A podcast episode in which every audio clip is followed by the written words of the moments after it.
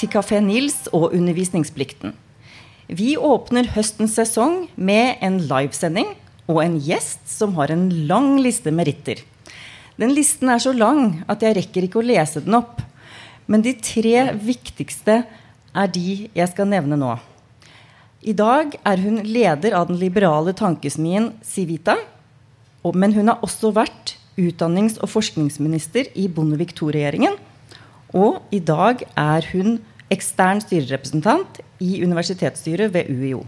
Velkommen hit, Kristin Clemet. Tusen takk skal du ha. Ja, nå er vi på Blindern, og du har jo vært student selv på Norges handelshøyskolen. Ja. Hvordan eh, var det å være student for deg? Altså Det å være student der, det var helt fantastisk. Eh, det var, jeg tror faktisk fortsatt det er, et veldig, veldig godt eh, miljø. Eh, jeg var nok ikke blant de mest eh, flittige studentene, men jeg var eh, veldig aktiv sånn utenomfaglig. Studentarbeid og studenteruke og ja. Så jeg fikk noen av, noen av mine beste venner i dag fikk jeg da jeg gikk på Handelshøyskolen i Bergen. Mm. Så du hadde en fin studietid? Veldig fin studietid, men faglig sett så var jeg nok på feil sted. Eh, jeg greide bare ikke å slutte fordi det var så hyggelig å være der. Så, men faglig så var det nok ikke helt riktig for meg. Jeg har ikke noe sånn sterk matematisk hjerne, men eh, så jeg burde nok studert noe annet, tror jeg, hvis jeg skulle hatt en faglig karriere som kom ut fra, fra studiet mitt. Ja. Da lurer jeg på, Hva ville du studert hvis du skulle velge om igjen, eller hvis du skulle studert nå? Hvis jeg skulle valgt om igjen, så ville jeg helt klart ha valgt juss. Eh, for det tror jeg rett og slett eh, hjernen min ville passe til. Eh, og da ville jeg kanskje også kunne hatt en, en faglig karriere som basert på det studiet. Men jeg, jeg, tror ikke det er så morsomt å studere juss som det er å studere på Handelshøyskolen. jeg kjenner mange som har gjort det. ja, ja. Mm. Men nå er du mm, styremedlem i universitetsstyret. Og vi på UiO er jo kanskje litt selvopptatte. Så vi lurer på hva syns du egentlig om UiO? Jeg syns veldig mye. Og fordi jeg regnet på at du skulle stille det spørsmålet, så tenkte jeg jeg skulle dele opp svaret mitt litt. Fordi noe er eh, det jeg visste at det var, og noe er litt mer overraskende. Så jeg skal si litt om det. For det første så, så er jo eh, Universitetet i Oslo det er jo Norges beste universitet. Det kan vi lett slå fast. Og eh, det er et veldig sterkt forskningsuniversitet. Og, og disse tingene, det visste jeg, og det, det, er jeg ikke så veldig overrasket over. Men så syns jeg det har vært morsomt å følge med på det jeg nå føler, jeg må si det, er bedre enn det var da jeg var engasjert i dette feltet. Eh, det begynner å bli en god stund siden. Vi har ikke fulgt det så tett siden jeg var eh, statsråd. Det vil si at jeg føler at det som har med innovasjon å gjøre, det som har med å ta kunnskap i bruk å gjøre, som man sier, altså formidling og forvaltning av kunnskap og rette seg ut mot samfunnet, uh, ulike former for tverrfaglighet og det internasjonale arbeidet, det virker på meg som det står mye sterkere i dag enn det gjorde for 10-15 år siden, uh, da jeg var statsråd. Um, og så er det noe som er mye bedre enn jeg ventet. Eh, jeg syns eh, det jeg kan kalle den eh, administrative styringslinjen, altså det å ha god kontroll på økonomi og administrative forhold, det virker veldig, veldig bra. Det kan virke litt byråkratisk, det kan vi komme tilbake til. Om et universitet har for mye preget av byråkrati, det er det nok, men jeg mener de forholder seg jo til det som er rammeverket. Og det virker som det er en veldig god kontroll. Eh, og eh, det betyr også at de tingene som blir tilrettelagt for styret, eh, altså papirer, saksgrunnlag osv., er veldig, veldig bra og oversiktlig. Så tror jeg jo at det er noen forbedringspunkter. Vi vet at ikke, det, er ikke, det er fortsatt forbedringspunkter når det gjelder gjennomføring. Eh, altså for studentene. Eh, jeg tror fortsatt at silotenkningen på universitetet, akkurat som ellers i samfunnet, og særlig i offentlig sektor, er for sterk. Sånn at det fortsatt er et stort potensial for samarbeid og ulike former for tverrfaglighet. Og så tror jeg det er en varierende kvalitet på organisasjonskulturen rundt om på institusjonen. Altså Og varierende kvalitet på ledelsen rundt om på institusjonen. Og det er ganske langt fra styret til eh, alle deler av institusjonen, så alt dette ser man jo ikke på nært hold. Eh, og så er jeg helt sikker på at mange er, eh, er syns det er for mye byråkrati og, og papirer og telling og måling og kontroll osv. Og, så og det er jo et mer sånn allment dilemma i offentlig sektor. Hvordan vi skal forvalte de felles ressursene som i stor grad tilfaller bl.a. universitets- og høyskolesektoren. Eh, og, og, samtidig ha en viss kontroll på det. Eh, så er det en uh, veldig kompleks institusjon, veldig stor. Uh, og det er forskjell på liksom, den administrative og faglige styringskjeden eller styringslinjen. ikke sant? Det er, uh, og, og, det er store avstander. Men det er vel sånn oppsummert det inntrykkene jeg, jeg har til nå. Altså litt, Noen sånn positive overraskelser. Noen klare tegn til at det har skjedd forbedringer. Og, og, og noe er slik jeg forventet, nemlig at dette er et veldig sterkt forskningsuniversitet. Mm. Men med forbedringspunkter der også, tror jeg, når det gjelder forskning. Mm. Ja. ja. ja, det var veldig interessant. Og du har jo kommet tettere på når du sitter i styret. Mm. Så du, du, sier at inntrykket ditt har endret seg fra tidligere, eller, det, eller har det blitt forsterket? Ja, altså jeg vil si at eh, Det universitetet har gjort, da, og institusjonen har gjort, åpenbart, er jo å gjøre det som har vært en felles ambisjon på visse områder. ikke sant? Med internasjonalisering og innovasjon. og Det å ta denne kunnskapen i bruk, det har jo vært hva skal jeg si, noen felles målsettinger, også fra et samlet storting. Og det har jo da eh, de facto skjedd. Eh, og så vil jeg vel si at, at det at det er så god kontroll på det administrative og økonomien, det er kanskje litt feil å si at man er overrasket over det, men dette er jo en veldig kompleks institusjon. Og eh, det er jo ikke som å drive en privat bedrift. ikke sant? Sånn at det å ha denne, denne eh, kontrollen og denne oversikten, og sånn, det er egentlig litt imponerende, syns jeg. da. Mm. Mm. Som styremedlem så har du jo vært ute og kommentert dette med åpne styremøter i en kronikk Eh, kan du utdype altså dine erfaringer som Du har jo lang erfaring med styrearbeid og, og kompetanse på det. og Derfor er ditt synspunkt interessant. Uh, altså, hvordan opplever du å være styremedlem i på ja. Altså Det jeg skrev en kronikk om, det er det som en forsker, som for øvrig også er journalist, men han har tatt en doktorgrad uh, på dette her, og han uh, beskriver det han kaller åpenhetsparadokset. At krav til åpenhet om visse prosesser i offentlig sektor Eh, faktisk kan lede til mindre åpenhet. Det er det som han på en måte dokumenterer i sin doktorgrad. Og eh, hvor er det vi har sånne prosesser hvor man har stilt ganske høye krav til åpenhet i offentlig sektor? altså man kan si Det er ideelle krav.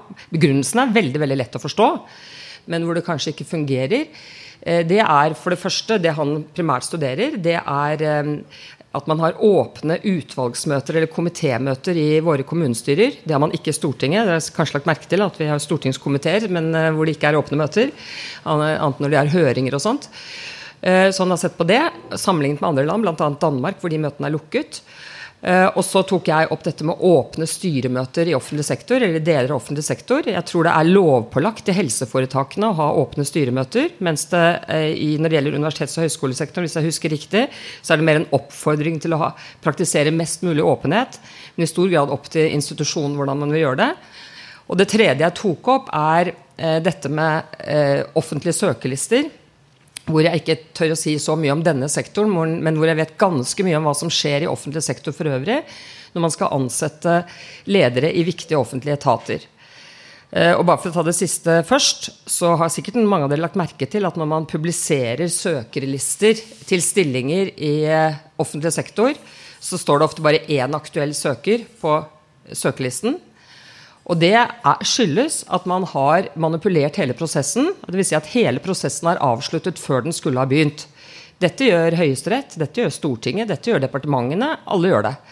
Man manipulerer hele prosessen, og det betyr at den åpenheten man egentlig har villet ha, det har nærmest ført til, til, til mindre åpenhet. Altså Prosessen er flyttet inn i, i, i mer lukkede rom, egentlig, eh, som en følge av de kravene.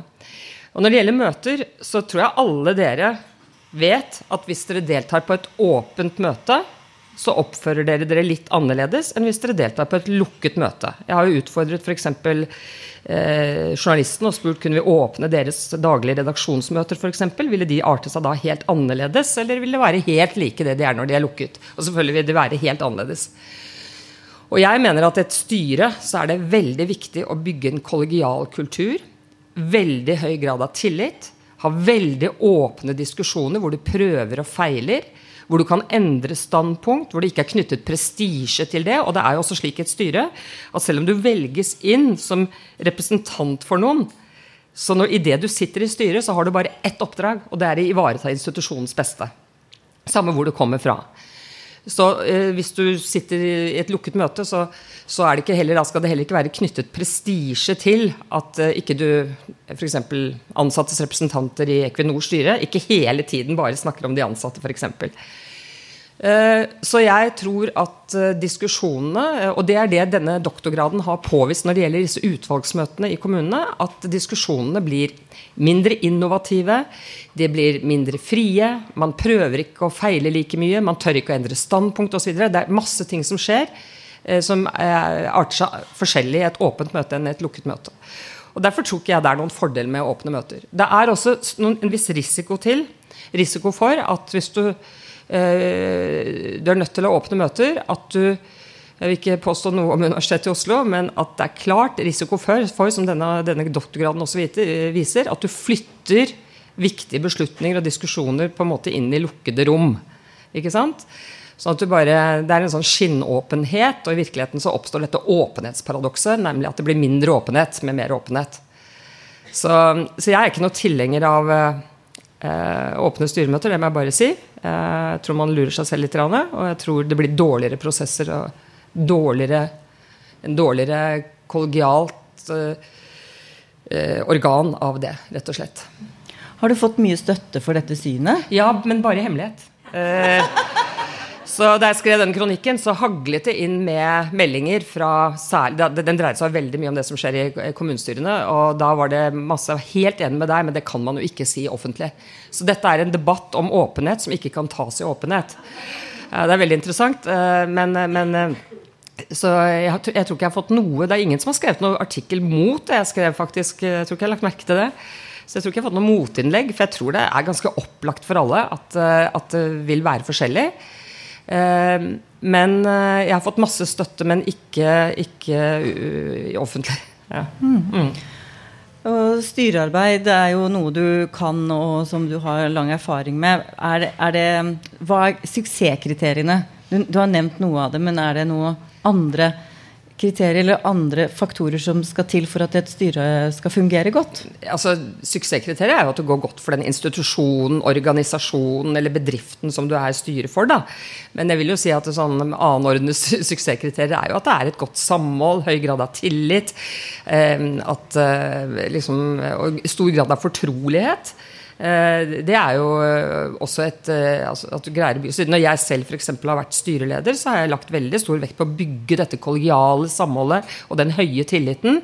Det er lagt veldig, veldig stor vekt på at det skal være en stemning av fortrolighet og åpenhet på den måten at, du, at det er lov å, å, si det man vil, og det er lov å trekke det tilbake, og det er lov å ikke være skråsikker, og det er lov å stille dumme spørsmål, ikke minst. Det er jo ekstremt viktig for å bringe en organisasjon fremover. Det er å tørre å stille eh, dumme spørsmål.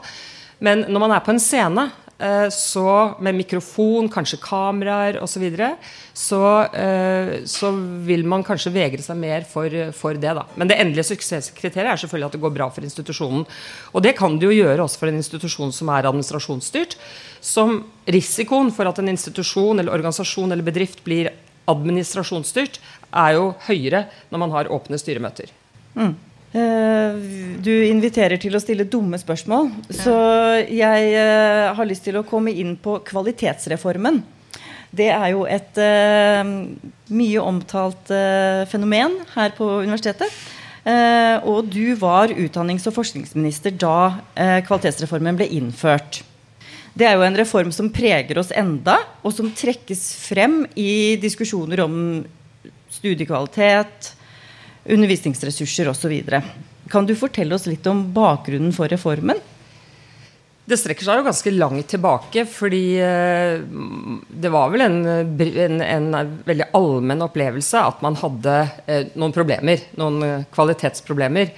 Eh, som dreide seg jo om enormt frafall, dårlig gjennomføring osv. Og eh, det ble jo nedsatt et offentlig utvalg eh, som var, het Mjøsutvalget. Eh, som var ledet av var fornavnet Ole Danbolt Mjøs. Han vel bakgrunn i, hadde vel bakgrunn i KrF. Har vel også vært leder av Nobelkomiteen i sin tid. Men altså, han ledet dette utvalget. Uh, og hvilken regjering som satte ned det utvalget, det husker jeg ikke i farten. Men så kom Stoltenberg I-regjeringen, uh, og da var Trond Giske utdannings- og forskningsminister. Og han fremmet uh, forslag for Stortinget om en kvalitetsreform. Og hadde noen elementer i den reformen som han ville gjennomføre. Det var en stortingsmelding, så det var ikke der de endelige beslutningene ble truffet. Men han møtte ganske mye motstand på en del av de tingene. Men, men allikevel så var det der det startet. Og så kom jeg inn i 2001.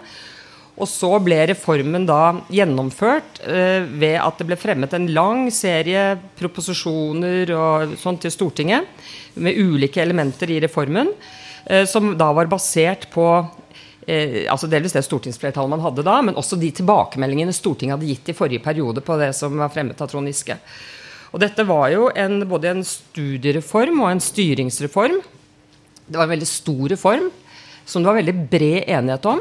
Eh, det var veldig bred enighet på Stortinget om det aller meste. Og eh, det var eh, også veldig stor oppslutning i, i, i, sektoren. Jeg liker ikke å bruke det uttrykket, for det er ingen andre som skjønner hva det betyr. Men altså, dere skjønner det. I universitets- og høyskolesektoren. I hvert fall på ledelsesnivå, må vi si. Så var det veldig bred. Så det, implementeringen gikk ganske eh, greit. Altså man, eh, hvis man er tilhenger av en reform som eh, blir vedtatt eh, sentralt, så ofte, kan man ofte se at den implementeringen nesten starter før den er vedtatt. Så implementeringen skjedde eh, ganske bra. Det var veldig mye snakk om at eh, hvis dette skulle gå bra, så måtte reformen være fullfinansiert. Og det, vi fullfinansierte det på krona. Så da tikket det Jeg husker det sto i Aftenposten at det, i går tikket det inn en pressemelding fra, det var fra Universitets- og høyskolerådet fra noen som var fornøyd med statsbudsjettet. Så det, det vakte en viss oppsikt. da. Men vi leverte da finansiering på krona, det som Universitets- og høyskolerådet mente var nødvendig. Og det, om det liksom, reelt sett var betydningsfullt, var symbolsk veldig viktig. da. Eh, så det skjedde jo veldig mye, og samtidig skjedde det jo en prosess eh, i Europa eh, med en harmonisering av gradsstruktur osv. Så, men jeg er litt enig med Arild Underdal, som har vært rektor her ved universitetet, som en gang sa at vi kalte det kvalitetsreform. Men han sa det var å løfte kvaliteten til en minimumskvalitet, og så må vi videre derfra. Det var ikke å løfte til en makskvalitet. Altså, det må man forstå. Det var å løfte det litt. Og jeg vil jo si at det er veldig mye som har blitt bedre. Eh, både når det gjelder styring og, og, og studier. Eh, men det er klart at eh, alt går ikke, går ikke, nødvendigvis på skinner. Og jeg kan også si at ved gjennomføringen av reformen gikk ikke alt på skinner. Et godt eksempel syns jeg er følgende. Det var jo den gangen snakk om hva som var kriteriene for å kunne være et universitet. Nå skal vi ikke repetere alt vi var innom den gangen, men min holdning var at vi for det første skulle særbehandle de, det vi kalte liksom de klassiske opprinnelige universitetene. Det var Oslo, Bergen, Trondheim og Tromsø. Eh, liksom Ingen skulle være på det nivået. Og så skulle det være kriterier for å kunne kalle seg nye universiteter osv. Eh, og dette falt jo på stengrunn. Eh, og årsaken til det var at dette ble forvandlet til å bli ren distriktspolitikk. Og på den tiden var det ingen som da sto opp for universitetskvaliteten, fordi alt ble distriktspolitikk. Et eksempel alle ville ha et universitet, alle i Stavanger og Rogaland ville ha et universitet i Stavanger. Så der var samtlige partier i Rogaland og Stavanger, LO, NHO, næringslivet Absolutt alle i denne regionen var for eh, lavere kriterier, eller, altså, eller svakere kriterier enn det eh, jeg ønsket, fordi de ønsket et universitet. Så da det ble forvandlet til distriktspolitikk, så tapte jeg på en måte den eh, det ble, det ble, ikke helt sånn som jeg hadde tenkt. Um, og så går tiden, og så skjer det som ofte skjer i denne sektoren. Det er at når det endelig skjer, da våkner professorene. Uh, og er mot det som skjer. Uh, men da var det for sent. Men de deltok ikke da så mye i debatten akkurat mens, mens, dette ble besluttet. Så alt ble ikke sånn som jeg ville heller. Absolutt ikke. Men jeg tror at det ga Eh, et støt til eh, tross alt til forbedringer i universitets- og høyskolesektoren. Mm. At uh, kvaliteten ble hevet, og at det ble mer ressurser til undervisning. Men du sier det er mye som gjenstår. Kan du utdype det? Ja, Vi vet jo at det fortsatt er problemer med gjennomføring. Eh, både på, på, på, ulike nivåer. Og eh, altså, det er jo alltid et potensial for forbedringer. Og jeg må også legge til én ting. Når man holder på med offentlig sektor, så er det jo slik, altså Privat sektor så har de jo sine si, styringssystemer. De vet at de må gå med overskudd og alt dette her. Vi har jo ikke det, den, det, et sånt styringssystem i offentlig sektor, så vi må uh, konstruere på en måte finansierings- og styringssystemer. Og det jeg tror som er veldig viktig å ta inn over seg, at når man gjør det, så kan, er de aldri evigvarende. For slike systemer de begynner å korrumpere seg selv etter en tid. ikke sant? Fordi man tilpasser seg de man, det som lønner seg i forhold til systemet. Så det må hele tiden være som nå når man snakker om f.eks. å endre finansieringssystemet, og sånt, så er ikke det noe det er ikke et nederlag for det systemet vi har. Det er naturlig at det må endre seg med, med tiden. Um, og, og, det vil, og, det vil, hele tiden være et forbedringspotensial. Den organisasjonen som sier at den ikke kan utvikle seg, den kan jo like gjerne avvikles. Uh, så, så uh, det vil det være både når det gjelder undervisning og, og, forskning og en lang rekke andre ting som uh, er oppdraget til sånne, slike institusjoner. Ja, og Du nevnte distriktspolitikk. og Det er jo nærliggende å komme inn på nåværende regjering og det som skjer i utdanningspolitikken nå. og Eh, mye snakkes om som desentralisert undervisning, og at man, man ønsker å åpne opp eh, for flere grupper. Eh, altså ønsker utdanningsinstitusjonene skal være tilgjengelige både geografisk og sosialt for flere grupper. Ja, altså jeg, jeg, mener at uh, det er en, en, litt lei utvikling dette her, at det er for lite differensiering i sektoren. For alle vil strebe etter å f.eks. bli et universitet. Og, så Større grad av differensiering tror jeg har vært et gode. Og så er det jo eh, et dilemma. Hvis du skal ligge i kunnskapsfronten, så er det ikke så lett å ligge i kunnskapsfronten på hvert eneste nes i, i Norge. Eh, så det er jo et behov for også Jo mer avansert det blir, jo mer du skal ligge i den absolutte kunnskapsfronten, jo mer blir det også et behov for en viss sånn samling av ressurser. Eh, så jeg, jeg har jo ikke så veldig tro på sånne altså Nesna-prosjekter, for å si det sånn. På den annen side så gir jo digitaliseringen i dag en mulighet for å være overalt. ikke sant? Man kan jo, også Universitetet i Oslo kan være på Nesna. Så eh, det er jo eh, muligheter, eh, selv om man ikke har fysiske institusjoner over det hele. Eh, så ja. Det er eh, for stor grad av det. Altså, jeg, jeg tror hele den Man kan si at eh, jeg tror Senterpartiet før første valg som snakket veldig mye om urbanisering og sentralisering, de hadde noen veldig viktige poenger. Eh, I betydningen at det er veldig viktige saker. Det er jo to prosesser som foregår på en måte i alle land. For det første en sterk urbanisering. Eh, I rike land så er det jentene som flytter til byene. I fattige land er det guttene som flytter til byene. Det skjer over hele verden. Veldig vanskelig for politikere å snu de, den tendensen. Det andre er sentralisering. Og da tenker jeg på noe annet, og det er at eh, offentlige tjenester blir mer og mer avanserte kan bli dyrere og dyrere, f.eks. helsebehandling. Veldig, veldig dyrt. Og så eh, vil jo da selvfølgelig enhver regjering vil ønske at vi skal få likest mulig og likeverdige tilbud. Men hvordan skal de greie det når det blir så avansert og så dyrt? Jo, det leder ofte til en viss sentralisering for å greie det. Det er det vi har snakket om med politiet, f.eks. At hvis politiet skal greie å møte den nye kriminaliteten, så kanskje det krever en viss form for sentralisering. Og dette er jo reelle dilemmaer.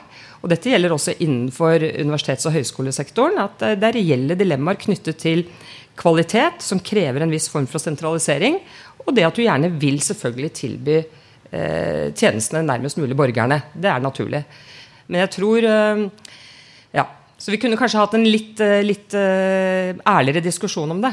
Eh, enn vi har hatt i Norge. Mm. Ja, og Det du nevner om digitalisering, er jo et, altså et mulighetsrom, da. Absolutt. Eh, det ser man. Men man ser at det også har sine begrensninger. Nå har vi fått en diskusjon om eh, eldre mennesker. Det er ikke så mye med denne institusjonen å gjøre, men eldre mennesker som har problemer med å forholde seg også til den digitaliseringen. ikke sant? Så det er dilemma knyttet til det.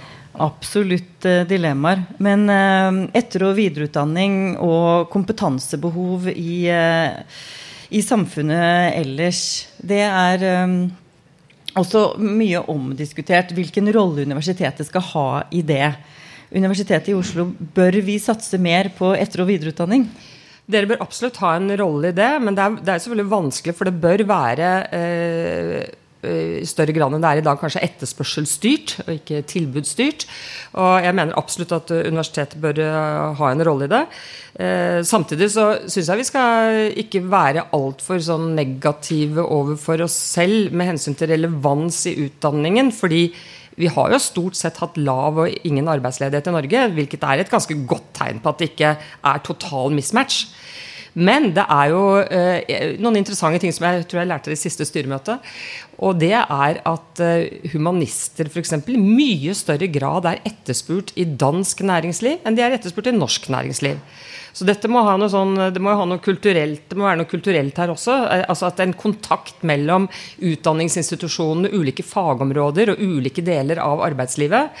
Eh, at, eh, at, det er et eller annet der som ikke alltid er bra. For jeg kan ikke forstå hvorfor det skal være mer behov for det i dansk næringsliv enn i norsk næringsliv. Så det, det, det tyder på at det er et potensial da, for å vise frem ut utdanningen, ulike typer av utdanninger overfor ulike typer eh, av næringsliv og arbeidsliv. Ja, og vi har merket oss det, og også blitt uh, veldig opptatt av å lære av danskene. Mm. Og har jo samarbeidsprosjekt på gang uh, nettopp med tanke på å øke arbeidslivsrelevansen og bygge denne broen som til privat næringsliv som kanskje danskene har hatt mer suksess med? Jeg, jeg, føler at, jeg vet ikke om dette er noen årsak, men jeg føler at dialogen mellom offentlig og privat sektor er mye bedre i Danmark enn i Norge. Altså, ikke sant, I Danmark så er de ikke så, de er jo mye mer opptatt av fleskeprisene. altså De er mer sånn kommersielt innstilt og har ikke den negative holdningen til de som, eh, til privat sektor og kommersiell sektor. Vi opplever jo i Norge veldig sånn splittende diskusjoner om offentlig versus privat sektor. Det tror jeg ikke er et gode, for de er jo ganske tett vevet inn i hverandre.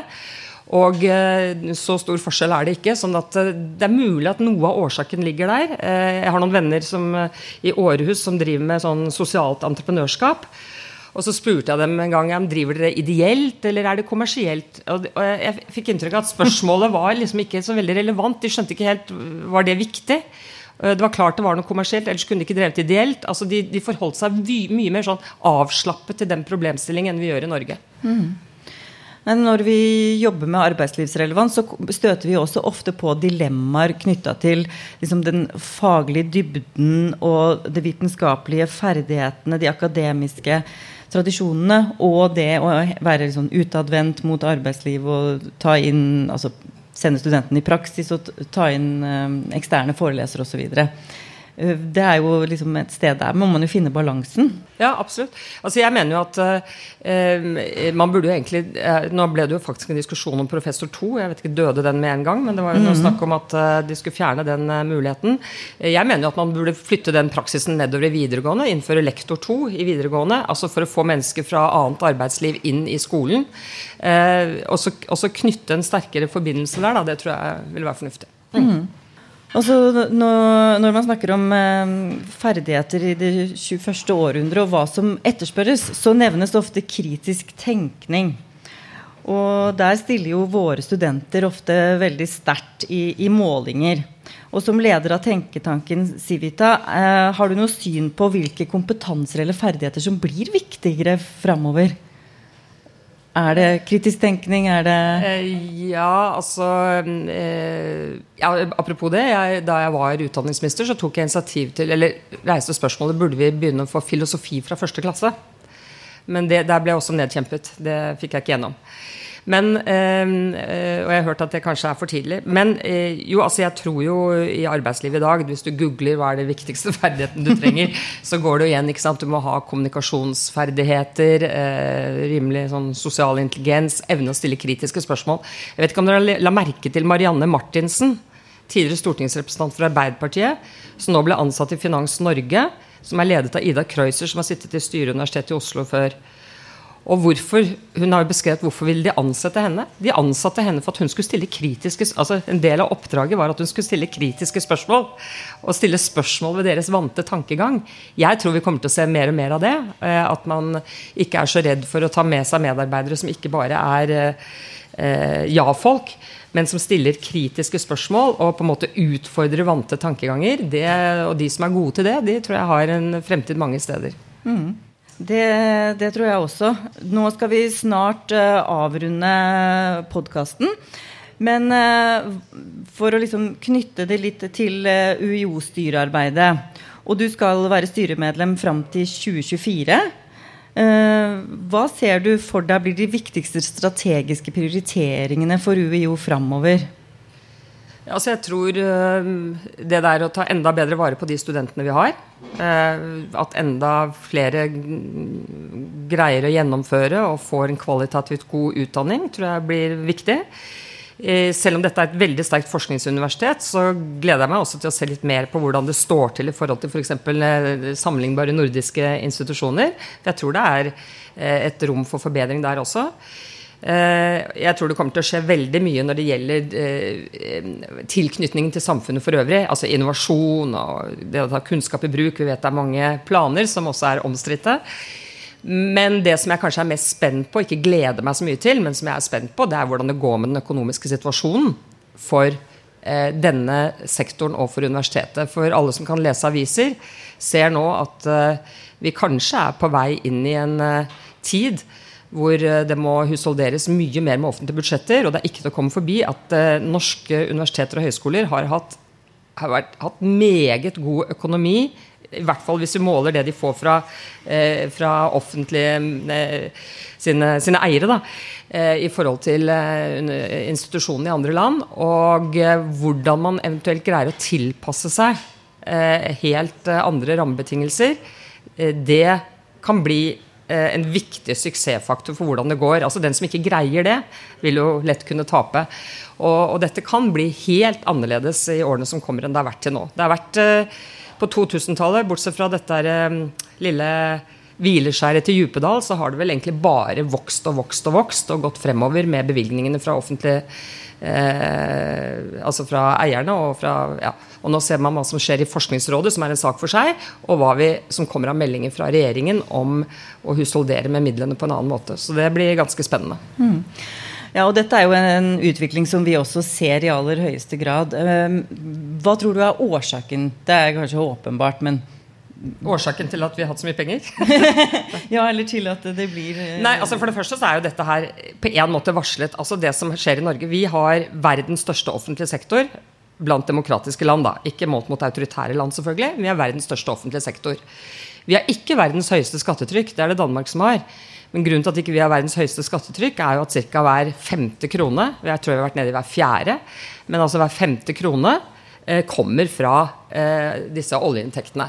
På en måte gratis penger. Og det har skapt en Har gjort at eh, vi har kunnet la, eh, hatt veldig gode tider i Norge, og offentlig sektor har hatt kjempegode tider. Utgiftene har bare vokst og vokst uten at vi har merket det på vår lommebok, fordi vi ikke har måttet betale mer skatt. Eh, vi har altså ikke testet ut om vi har skattevilje til å finansiere den offentlige sektoren vi har. Eh, men, eh, og det har blitt varslet i den ene stortingsmeldingen etter den andre, nemlig den såkalte perspektivmeldingen som alle regjeringer legger frem hvert fjerde år, at dette måtte endres rett og slett pga. at oljeinntektene vil få mindre betydning, at vi får eldrebølge osv. Så, videre, og så, så har dette vært varslet at dette her kommer ikke til å bli så lukrativt i fremtiden. Men så kommer dette sjokket, da, for å si det sånn, med en total vending i den globale økonomien som forsterkes av krigen i Ukraina. Hvor vi får tilbake renter, vi får tilbake inflasjon. Så nå er jo ikke Norge tjener jo grisemye penger, men nå er ikke problemet pengemangel, men faren ved å bruke eh, pengene fordi vi ut, har utnyttet kapasitetsgrensen. Vi er også i en situasjon sant, hvor det kan lett bli mangel på arbeidskraft på mer varig basis. fordi de siste 30 årene så har det har integreringen av Kina og Øst-Europa i den globale økonomien har gitt en nærmest ubegrenset tilgang på arbeidskraft, og nå er det absorbert. Så vi har da, Det er denne, eh, denne utviklingen som skjer uansett, med eldrebølge osv., eh, som nå er veldig sterkt forsterket av denne vendingen i den globale økonomien og Ukraina-krigen. Og dette kommer til å gjøre at vi ikke lenger kan fortsette å la de offentlige utgiftene bare vokse slik de har gjort til nå. Mm. Så det vi må gjøre på UiO, er å bruke pengene våre smartere. Ja, det blir, eh, det blir, eh, effekten. Og den som er flink til å gjøre det, uten bare å syte og klage, holdt jeg på å si, den vil vinne. Eh, fordi at de som bare da stiller seg opp i demonstrasjonstog og sier at vi vil ha mer, det er ikke sikkert det er en, strate, en farbar strategi eller en konstruktiv strategi fremover. Mm. Men det er jo betryggende at vi har deg som styremedlem fremover, da. Så sier jeg takk til deg, Kristin Clemet. Veldig hyggelig å ha besøk av deg i podkasten Undervisningsplikten. Og takk til alle dere som kom og hørte på. Takk for at jeg fikk komme.